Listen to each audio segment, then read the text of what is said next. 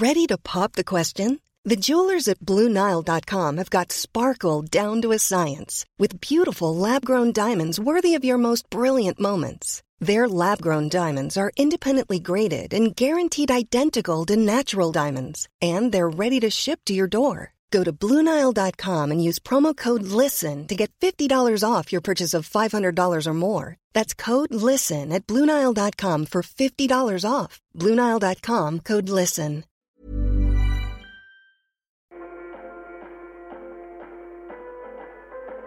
Du hører nå på podkasten Forhandlinger på liv og død.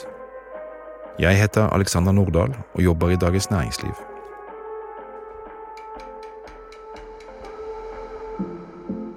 Vi ønsker å advare deg.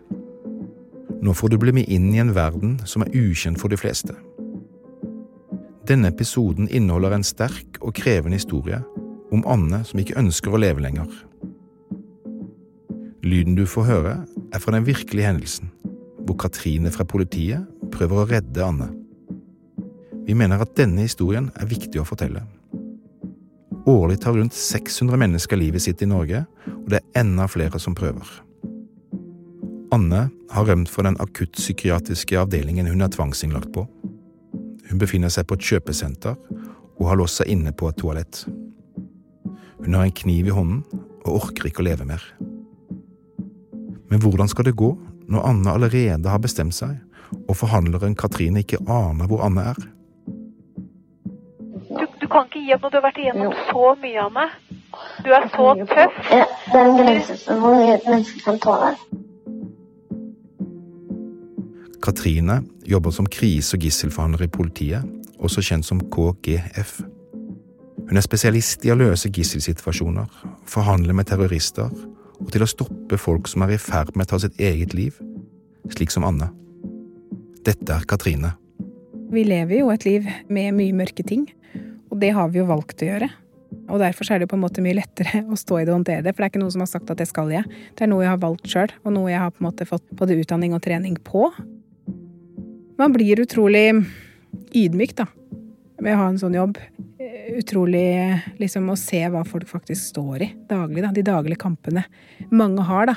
Og likevel så velger de å stå. At mennesket er utrolig sterkt. Så sånn sett så er det jo en givende jobb. Det er jo fælt å si at det er givende å ha en jobb som skor seg på andres elendighet, men den elendigheten er der, og den fins, og det er virkeligheten.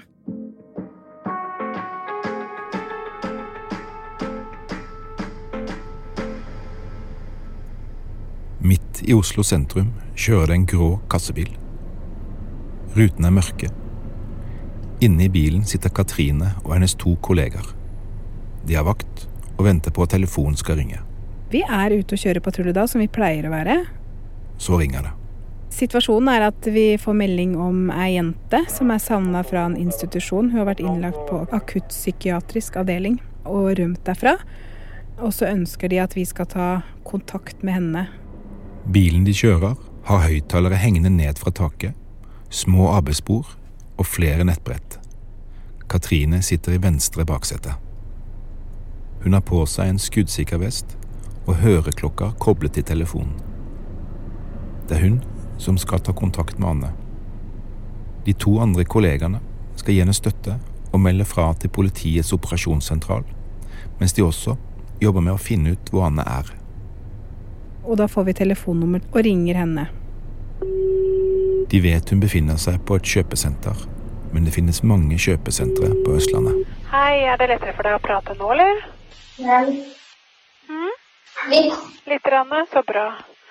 Det høres ut som at du er et sted hvor det er litt sånn derre eh, gjenklang. Ja, litt. men Hva sier du for noe? Litt. Jeg hører deg så dårlig, jeg. Vent litt. Jeg tror det er der på høyttaler. Å ja, nå hører jeg deg mye bedre. Åh, det var godt å høre stemmen din litt nærere. Du var så langt borte. Men det var sånn at du hadde ikke noe lyst til å være der du var i går. Jo, men jeg får det ikke til å være der. Hva er det som gjør det vanskelig å være der da? Jeg orker mer. Fordi du ikke orker mer? Ja. Det er ikke første gangen de prater sammen. Dagen før prøvde Anne å ta livet sitt på avdelingen hun nå har rømt fra.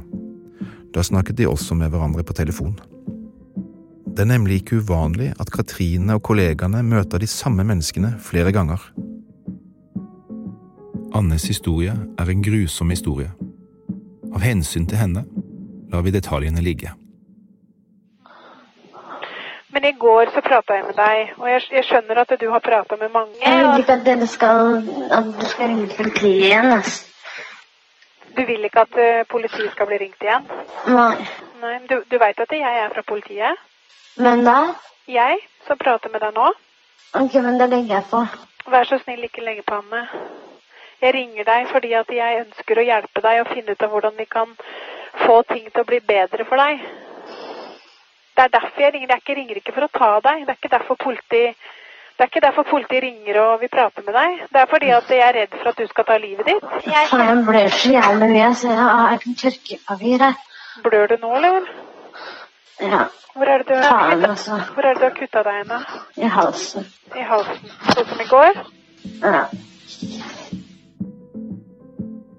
Det hun gjør da, er at hun svarer veldig tidlig at hun blør mye, at hun har skada seg sjøl, at hun har en kniv, og at hun har kutta seg i halsen, like ved hovedpulsåra.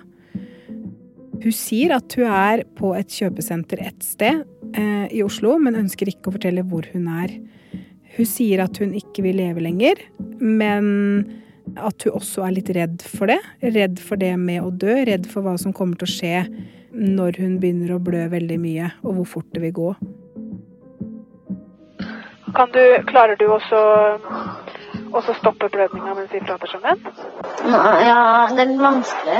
Ja, men hvis det er vanskelig, så vil jeg at du skal prioritere det å stoppe blødninga di. Nei, det går greit. Det, går Ja. greit.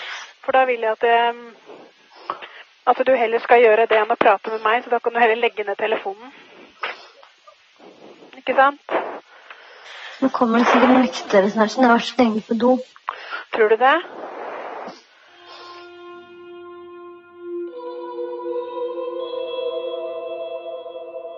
På det ene tidspunktet så blir du jo veldig stressa av at det kan være politi eller vekter på utsida, eh, og er veldig spørrende i forhold til meg, som kan kanskje gi ut svar på det. Det har jeg jo ikke noe svar på der og da. Vi veit jo fortsatt ikke hvor hun er, hvor hun befinner seg hen, og det kan jo være vektere på stedet der. Det kan også være politi som Vi veit jo at det er politi som er ute og leiter ut ifra om vi får noe mer på hvor hun er, men det er uvisst om politiet er der hun er eller ikke. Så det jeg gjør der, er jo å spille på lag med hun, fordi jeg ønsker at hun skal ha tiltro til meg, at dersom politiet eller vekterne er der, så er de der for å ikke gjøre det vanskeligere for henne, men for å hjelpe hun i den settinga hun er i.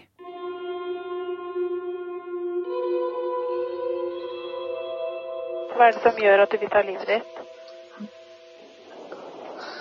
Alt, egentlig. Altså, jeg går, hele livet mitt. Jeg tror ikke at det er noe som kan fikse meg, da. Nei, men har du prøvd, har du prøvd alt, da? Nei. Nei. Er det ikke litt dumt å ha ikke prøvd alt, og så er det slutt?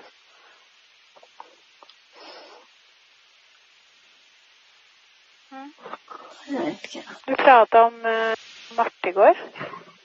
Ja. Er det en god venninne av deg? Ja. Hvor kjenner, hvor kjenner du henne fra, da? Jeg husker ikke. Hva tror du Marte vil si da, hvis du ikke er her lenger? Hun blir lei seg.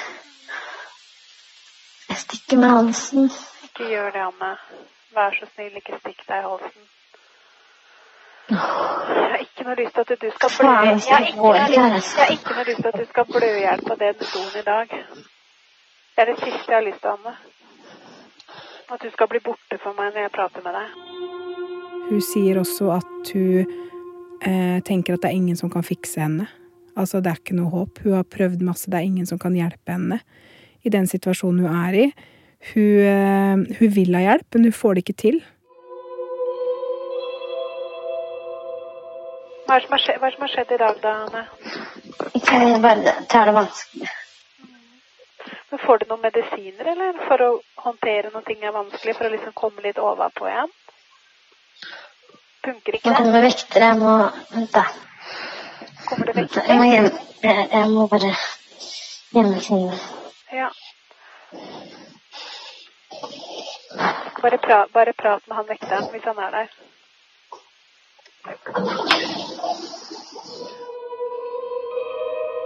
Hører at hun eh, virker veldig urolig.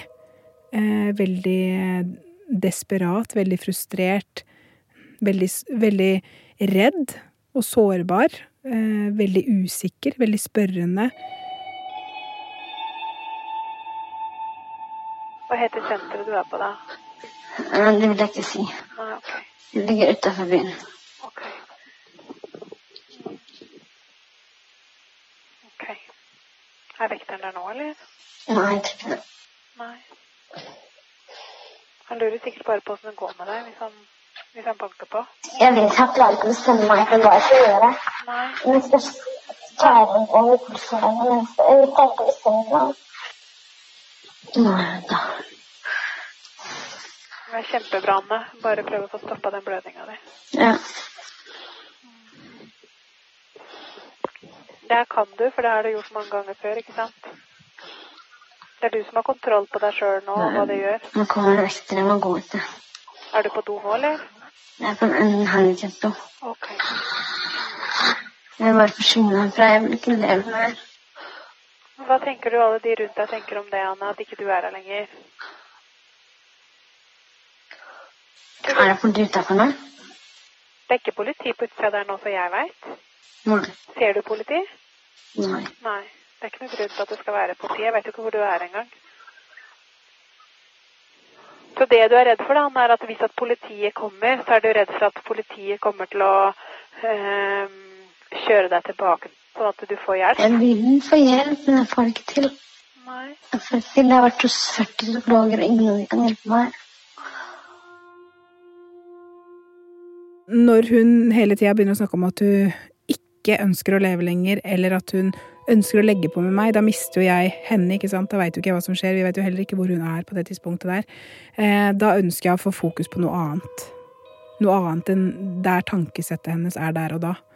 Det er jo derfor også man tenker at eh, hvis man har de vonde tankene da, om å ikke ønske å leve lenger, og sitter aleine med de, så er det veldig skummelt. Da ønsker vi å på en måte snakke med de for ikke, ja, for, for å avlede, selvfølgelig, for å få fokus på noe annet. Fordi de tankene er så sterke og massive, rett og slett. Men Anne, hva er, hva er det som gjør deg glad, da? Ingenting. Hva i livet er det som gjør deg glad? Det er mye som gjør meg glad, men Ja. jeg tenker på alt det bra som gull og glitter. Og alt det dårlige, og påfuglfjær og alt det dårlige som det blir, så veier det ikke opp. Så du er glad i gull og glitter? Nei, det er ikke eksempel. Ja, men jeg lurer på, for jeg, jeg kjenner jo ikke deg, så det er jo mange ting som kan gjøre folk glad og fornøyd. Og så skjønner jeg at akkurat der hvor du er nå, så er det vanskelig å tenke seg til. Jeg er helt sikker på at du har hatt mange øyeblikk i livet ditt som du har hatt glede over. Det er mange ting som jeg har hatt glede over, men det veier ikke opp mot alt det dårlige som har skjedd med meg, da.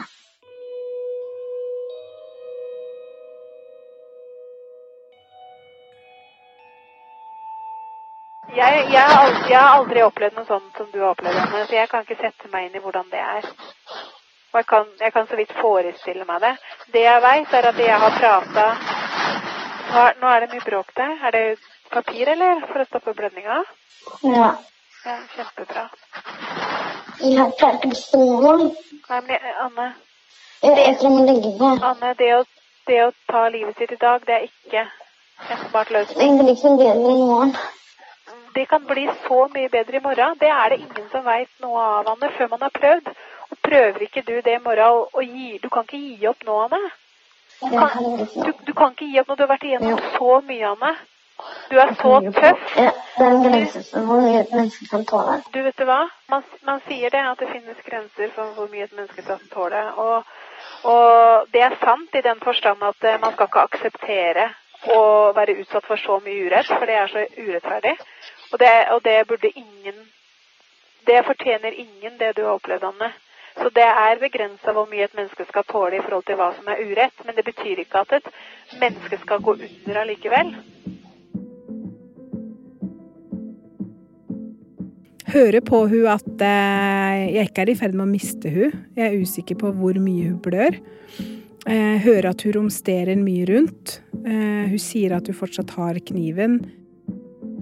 Med at jeg hører at jeg ikke mister henne, så kan jo det ha flere betydninger. En betydning kan jo være at jeg tenker at hun ikke er der i tankesettet sitt, at hun faktisk kommer til å ta livet sitt akkurat nå, men hun er på vei dit, og kan fort komme dit men hun er der ikke akkurat nå. Eh, og også at jeg kan høre at hvis hun hadde eh, tatt en hovedpulsåre, og den, det blodet hadde pumpa ut, eh, så hadde jeg på en måte sakte, men sikkert hørt at stemmen hennes hadde blitt svakere, og jeg hadde mista henne i form av bevissthet, da. Men jeg er redd også. Jeg vet ikke hva som skal skje når jeg skal dø. Nei, det er akkurat det, og det tror jeg det er verdt å tenke på, Anne. Fordi det, det, er ingen som veit før de er der. Men det som er, er at ved å kutte den hovedpulsåra, så kommer du helt sikkert til å blø noe helt vanvittig. Jeg vet det. Ja. Men det er ikke og, så og, hvordan, og hvordan da hjernen din kommer til å fungere og tenke da, hvis du klarer Det er det jeg ikke vet. Ja, det er akkurat det. Men jeg kommer til å prøve å stoppe blødningen, eller jeg kommer til å svime, eller jeg kommer til å bare lande det blø, eller jeg vet ikke hva. Nei. Men det jeg tenker på da, er at det sier at du, noen, noen kommer da og klarer å stoppe den blødninga di, da. Mm. Men så har du mista såpass mye blod at eh, hjernen din ikke fungerer lenger. Mm. Og så, og så overlever du det, da. Og så blir, det, blir du ikke deg sjøl igjen noen gang. Da er det for seint. Da er det for seint, Anne. Det som er, det er at når man har sånne tanker, Anne, så er det veldig fort gjort å bare se svart på alt og ikke se mulighetene. Og det er det jeg ønsker å prøve å få nå? Anne, ikke stikk deg sjøl i halsen. Anne, hvis du gjør det, så veit du ikke hvor lang tid det tar før alt det blodet er ute av kroppen din. Og det å ligge der og pines på et skittent toalett hvor som helst Altså, det, det er uverdig, Anne. Det er så uverdig, det. Du fortjener så jævlig mye bedre, Anne. Å ligge og dø på et toalett som er skitten, hvor folk har tissa, hvor folk har gjort gudene veit hva. Og det griset det kommer til å bli, da. Tenk på den personen som finner deg da, når den åpner den døra. Blod overalt, og du som ligger der. Det fortjener verken du eller den som finner deg, Anne. Nei. Nei. Jeg vil ikke at du skal kutte noe hovedpulsåre. Jeg treffer jo ikke den åra. altså. Nei, men det vil jeg ikke at du Jeg skal prøve på noen heller. Hva sier du nå? Kan man åpne lån, tror jeg. Kommer? Har du låst den, eller? Hører du noen der nå? Vent litt. Ja, jeg er her, jeg. Jeg går ingen steder, Anne. I noen settinger så er det jo viktig å, å male et bilde for de, hvordan det faktisk vil være. Eh, om det er å hoppe fra et tak, eller om det er å ta livet sitt eh, med å ta hovedpulsåra, for den saks skyld. Altså for, få de til å forstå eh, hva de gjør, og hvordan det påvirker eventuelt de som finner de, hvor uverdig det er, at de fortjener noe bedre. En liten sånn realiter, realitetsorientering på hva du driver med. Eh, og lage et sånt mentalt bilde for dem som er ganske så sterkt og ganske brutalt, eh, for å få dem til å våkne litt. Eh, og forstå konsekvensen og realiteten av det de driver med. Er det, det, er det virkelig her det du ønsker, liksom? Um, så det er, et, det er et ganske sterkt virkemiddel, men også et virkemiddel som man kan bruke bevisst for å få de til å forstå og våkne opp litt. Fordi det er ganske drøyt. Det er ikke et verktøy man bruker når som helst og hvor som helst. Da er det gjerne litt tilspissa, eller man er, tror at man er i fare for å miste personen. Um, når man drar til litt ekstra. Fordi man tenker at det behøves. Og det er en mulighet for å få de til å velge det motsatte. Hva er det- ser du politiet nå? Hørte Hørte, hørte du politiet på utsida nå? Ja, ja, ikke, ikke okay. Det du må ikke rope meg. Du vil ikke at noen skal rope til deg. Du, hvis du, hvis du hø Åssen veit du at det er politi der? jeg hørte noe sånn Delta et eller annet? Delta et eller annet? Jeg hørte noen snakke på politiradio. Ok, var det noen som prata i politiradio nå på utsida? Mm. Ok. Men, men hvis det er politi der, hva, hva tenker du da, Anne? Kunne du åpna døra og sett da, om det faktisk er politi der? Det er politi der. Ja, Ser du politi nå, eller? Nei, men jeg vet det. Veit du det? Mm. Hva om du kunne sagt til meg hvor du var, Anne, så kunne jeg kommet og møtt deg, jeg. Kan du det? Ja, Kan de andre dra vekk da? jeg kan ikke love at de andre drar vekk. Hvis jeg kommer dit hvor du er, så kommer det også til å være annet politi der. Men jeg har jeg, Hvis du kommer, hvis du ikke der kommer annet politi, Hva sier du at det hvis bare du kommer, så kan jeg si med er. Ja, kan du si hvor du er da? Hvis jeg, hvis jeg kommer, jeg kan ikke, jeg kan ikke love deg, Anne, at ikke det kommer annen uniformert politi da, bare så du vet det. Jeg sitter i en sivil politibil.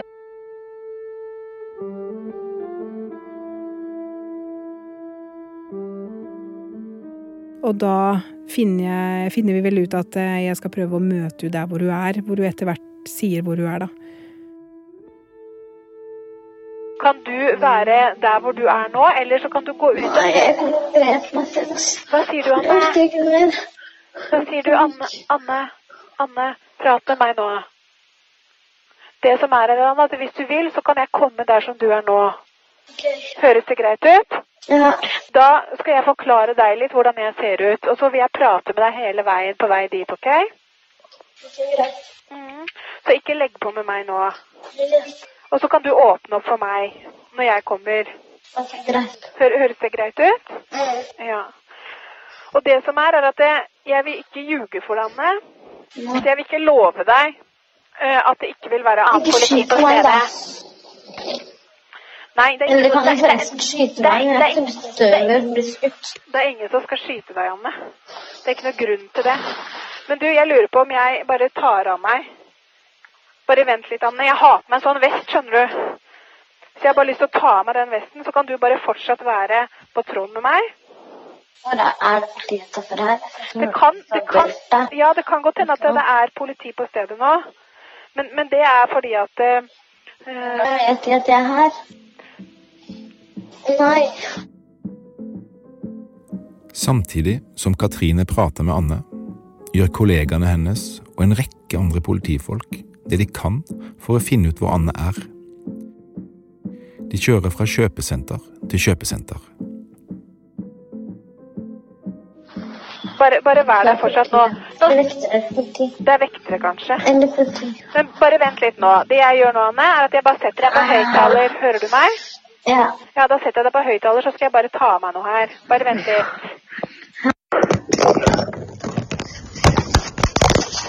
Katrine og to sivilkledde kollegaer fra KGF parkerer utenfor kjøpesenteret. Nå er jeg like i nærheten av deg. Nå skal jeg bare. Jeg har på meg Hvor er du? Hvor er du? Ok, og når jeg kommer på utsida, så bare fortsatt kan vi prate i telefonen. Og så kan du åpne døra sånn at du ser meg. Og jeg har på meg en grønn jakke. En sånn grønn parkasjakke med hette, så har jeg lyst hår. Hæ? Jeg er sivilt kledd, ja. Det er jeg. Jeg får jo kontakt, kommer jo og finner jo fram til det toalettet, da, og står på utsida av toalettet. Da står det også en politipatrulje der. De står tett på døra med skjold, i tilfelle hun har med seg kniven da hun er på vei ut. Eh, Jeg står litt lenger bak, eh, sånn at eh, hvis det skulle bli noe som skulle skje, så er det de som ville på en måte håndtert det, først og fremst. Og så ville jeg trukket meg litt tilbake. Um, så jeg står og fortsetter å ha den dialogen, mens de står på en måte klare til å, å ta imot da, og bistå det mottaket av henne ut. Når hun da ikke har med seg kniven. Og så ser de meg snart, og det som er viktig da, er at det er uniformert politi her. Jo, men det er det fordi at eh, de uniformert politi er her. Men de kommer ikke til å ta kontakt med deg nå. Nå er det jeg som kommer til å ta kontakt med deg. Ok? Så nå er jeg rett på utsida av døra di veldig, veldig snart. Og det jeg vil bare si til deg da, er at det står um, en uniformert Det står en uniformert politimann på utsida av døra nå. Hvis du, hvis du hører på meg nå, så skal jeg forklare deg. Jeg står rett utafor døra hvor du er nå. Hører du meg? Det som er viktig for meg nå, det er at du ikke har kniven i hånda når du åpner døra. Og så er det ingen som kommer til å storme deg eller gjøre noe sånt med deg overhodet. Hva sier du for noe, Anne? De pleier ikke å storme deg, nei? Nei. Vet du hva, vi, vi er her kun fordi vi ønsker å hjelpe deg, og siden du har det kutt i halsen nå, så ønsker jeg at du skal komme ut nå med en gang, og så ønsker jeg at du skal legge fra deg kniven inne på toalettet. Hører du meg? Jeg står rett på utsida, Ranne. Og det står også en politimann her, og han har, han har et skjold med seg. Og det er fordi at du har en kniv der inne, fordi politiet er redd. Akkurat nå som jeg står her nå, så er det tre politimenn som har på seg uniform. To, tre politimenn, ja. Som har Ikke noen Jeg er den eneste dama her. Mm. Men det er en jeg prater med her nå. Hva sa du? Erik fra i går. Erik fra i går, sier han her. Pratet du med en Erik i går? Han står først der, og han står med skjold. Og grunnen til at han står med skjold, er fordi du har kniv. Nei, du skal ikke skade noen andre enn deg sjøl. Det tror jeg på, Anne. Det er jeg helt sikker på. Det hører jeg på deg og på stemmen din, så jeg tror på det du sier. Kunne du være så snill lagt fra deg kniven? Vet du hva, jeg skulle så gjerne ønske jeg kunne latt deg være i fred, men det kan jeg ikke, Anne. Fordi at jeg syns at du fortjener så veldig mye bedre enn å dø i dag. Legg, legg, legg fra deg kniven. Legg fra deg kniven inne på do et sted, og så kommer du ut, og så viser du hendene dine synlig. Du legger den i hjørnet. OK. Hva er det du er redd for, Anne? Jeg skjønner at du vil bort fra alt, men dagen i dag er ikke å skulle bort fra alt. Og nå, nå, nå står vi her, Anne, fordi vi ønsker å hjelpe deg, og du fortjener så mye bedre enn det er. Og det veit du. Du er ei tøff dame, du har vært gjennom det her før. Akkurat nå så er det du som er viktigst. Det er jo litt sånn surrealistisk i mange settinger vi er i, fordi livet går jo videre til alle de menneskene rundt, selv om eh, livet til den det gjelder, står stille. Eh, og det er det det all fokuset er på. Eh, så du hører jo kassaapparat som klinger, og familier som går bak, og barnestemmer osv. De, er de er jo ikke akkurat der det skjer, men livet rundt og butikkene går jo som vanlig. Så det som er viktig for oss i sånne settinger, er jo å skåne de personene vi snakker med mest mulig og prøver å få minst mulig stimuli på de. Dvs. Si at vi prøver å skåne de sånn at det ikke blir noe sånn åstedsturisme. At folk står der, eh, er nysgjerrige, ønsker å være en del av det. da. Fordi det er jo veldig eh, ubehagelig for de som allerede er sårbare og i en vanskelig situasjon. Og det kan trigge veldig mye. Men livet går jo videre. Men du Anne, vet du hva, nå er jeg så bekymra for den, den, eh, det kuttet du har i halsen. Jeg står i hvert fall her nå, Anne, og jeg kommer ikke til å gå herfra før jeg ser deg inn i øya. Hæ? Du åpner opp nå? Så fint. Jeg, jeg ser skyggen din under døra der nå. Og jeg står rett utenfor, og da står jeg med Erik. Som du, som du prata med. Det er, ingen som skal, det er ingen som skal skyte deg, Anne. Det er ingen som skal drepe deg, det er ingen som skal skyte deg. Det som er viktig nå, er at du viser hendene dine. At du ikke har den kniven i hånda. Du har mobil i hånda. Det er helt greit. Hold mobil til øret. I, nei, ja, du hører meg gjennom døra. Åpne opp døra, da, så ser du meg, så kan vi prate herfra. Og så er det viktig at du, ja, så er det viktig at du ikke har kniven i hånda nå. Ja, kjempefint. Da ser jeg deg nå etter at hun velger å komme ut da, til oss, eh, og jeg blir stående og prate med henne, og vi legger en plan videre om at det er helse som skal overta hun, at hun skal eh, mest sannsynlig bli innlagt igjen på nytt ut ifra det som har skjedd, og hun har jo også rømt fra en institusjon, da. Så er vi egentlig enige om det. Alt er helt rolig og fint. Eh, jeg har ikke fysisk kontroll på hun med tanke på at jeg holder hun fast. Det er ikke noen grunn til å holde hun fast. Det er Ikke noen grunn til at hun skal påsettes håndjern.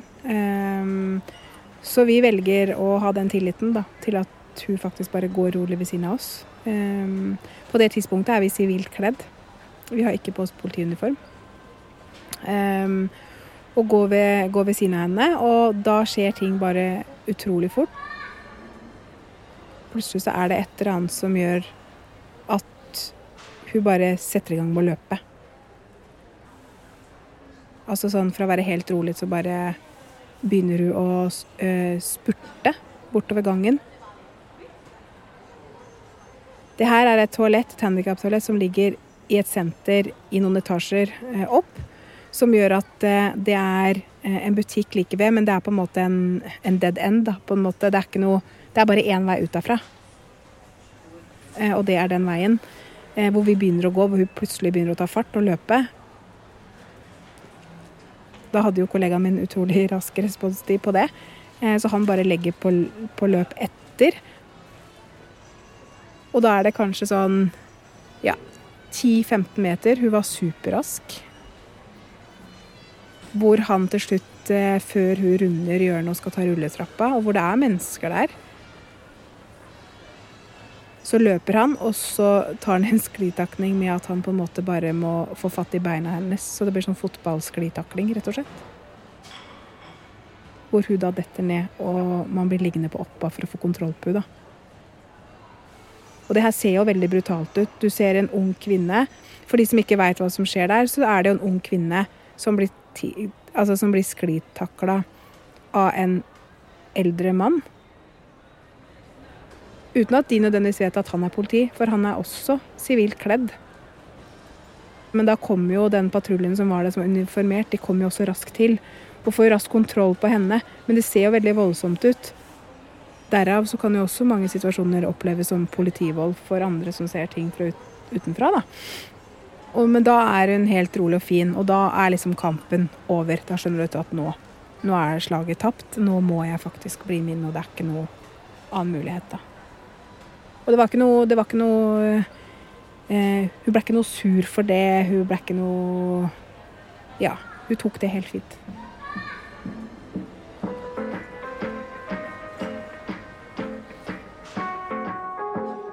Hvert år tar altså rundt 600 mennesker livet sitt i Norge, og det er enda flere som prøver. Og skulle du ikke dø av forsøket, kan skadene prege deg og de du er glad i resten av livet. Denne gangen gikk det bra. Anne overlevde. Hun måtte sy 16 sting i halsen og klarte å ta imot den hjelpen hun trengte. Her er Anne i dag, flere år senere. Å høre på dette var jo eh, spesielt. Det er jo sårt på mange måter å høre at man har hatt det så vanskelig. Men det er også en seier å vite at man har klart å komme seg ut av disse vanskelige tidene. Og det føler jeg på mange måter gir håp. Jeg tror at alle mennesker fortjener å ha en Katrine i livet sitt på et eller annet tidspunkt, hvis jeg skal si det på denne måten. Katrine var genuin, hun var ekte. Når man har det så vanskelig, og det å bli møtt med en så genuinitet og varme fra et annet menneske, det, det ja, virker reparerende på mange måter. Det å faktisk ha noen som er redd for deg, og som bryr seg, og som er der for deg. Og som ikke gir seg, ikke minst, men som virkelig vil deg vel. da det, det er, kan være avgjørende, tror jeg. I dag så vil jeg ikke si at jeg er fri for problemer eller eh, vonde stunder, men jeg vil si at livet mitt i mye, mye større grad er stabilt. Jeg har egen leilighet, jeg har jobb, jeg har et stort nettverk, og jeg har eh, mange av de tingene som gjør at man kan si at man har et godt liv, da. Hvis jeg skulle møtt meg selv igjen som den jenta jeg var eh, når jeg var, på, var, i den situasjonen, den krisen, så ville jeg sagt at eh, tør å stole på de rundt deg. Tør å stole på at noen vil deg vel. Det er mulig å komme seg ut av krisen, og det er mulig å få et bedre liv.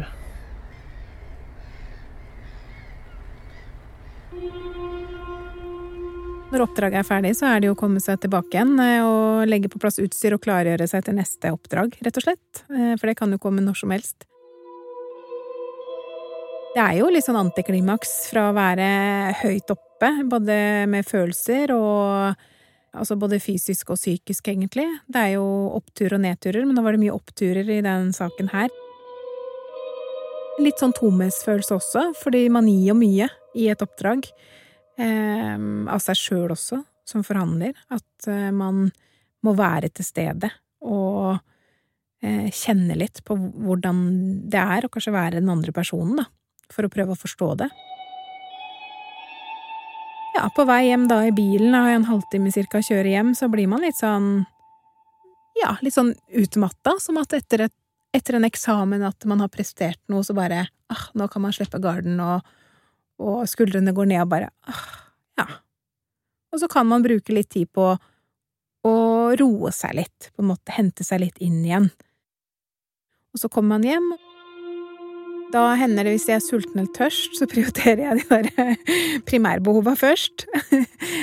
og så er det veldig sjelden at jeg egentlig går inn og ser etter eh, dattera mi, at hun ligger der og sover. Hun ofte så kommer hun opp i senga vår, hun ligger i storesenga, som man kaller det som er da senga til mammaen og pappaen, eh, og så ligger hun der allerede. Så da er det godt å kunne legge seg tett inntil hun og holde rundt og nusse litt på hun da.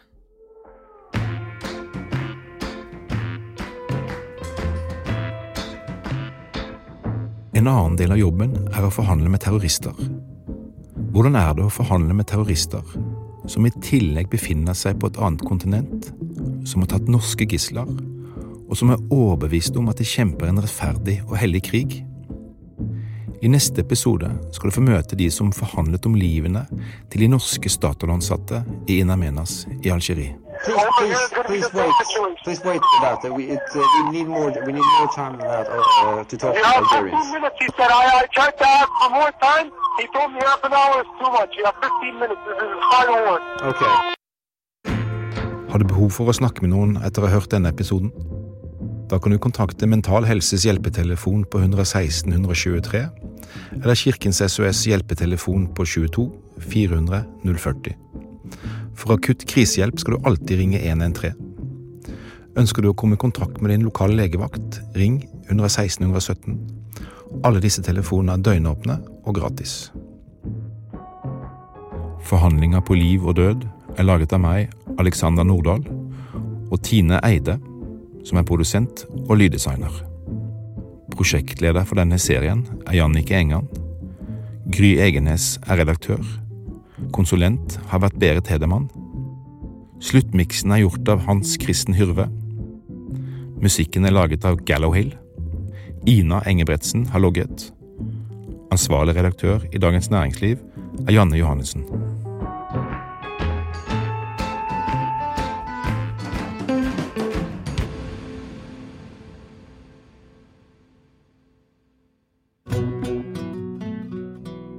DNs podkast om politikk. Den politiske situasjonen med politisk redaktør Fridtjof Jacobsen og kommentator Eva Grinde. Hver uke fra Dagens Næringsliv.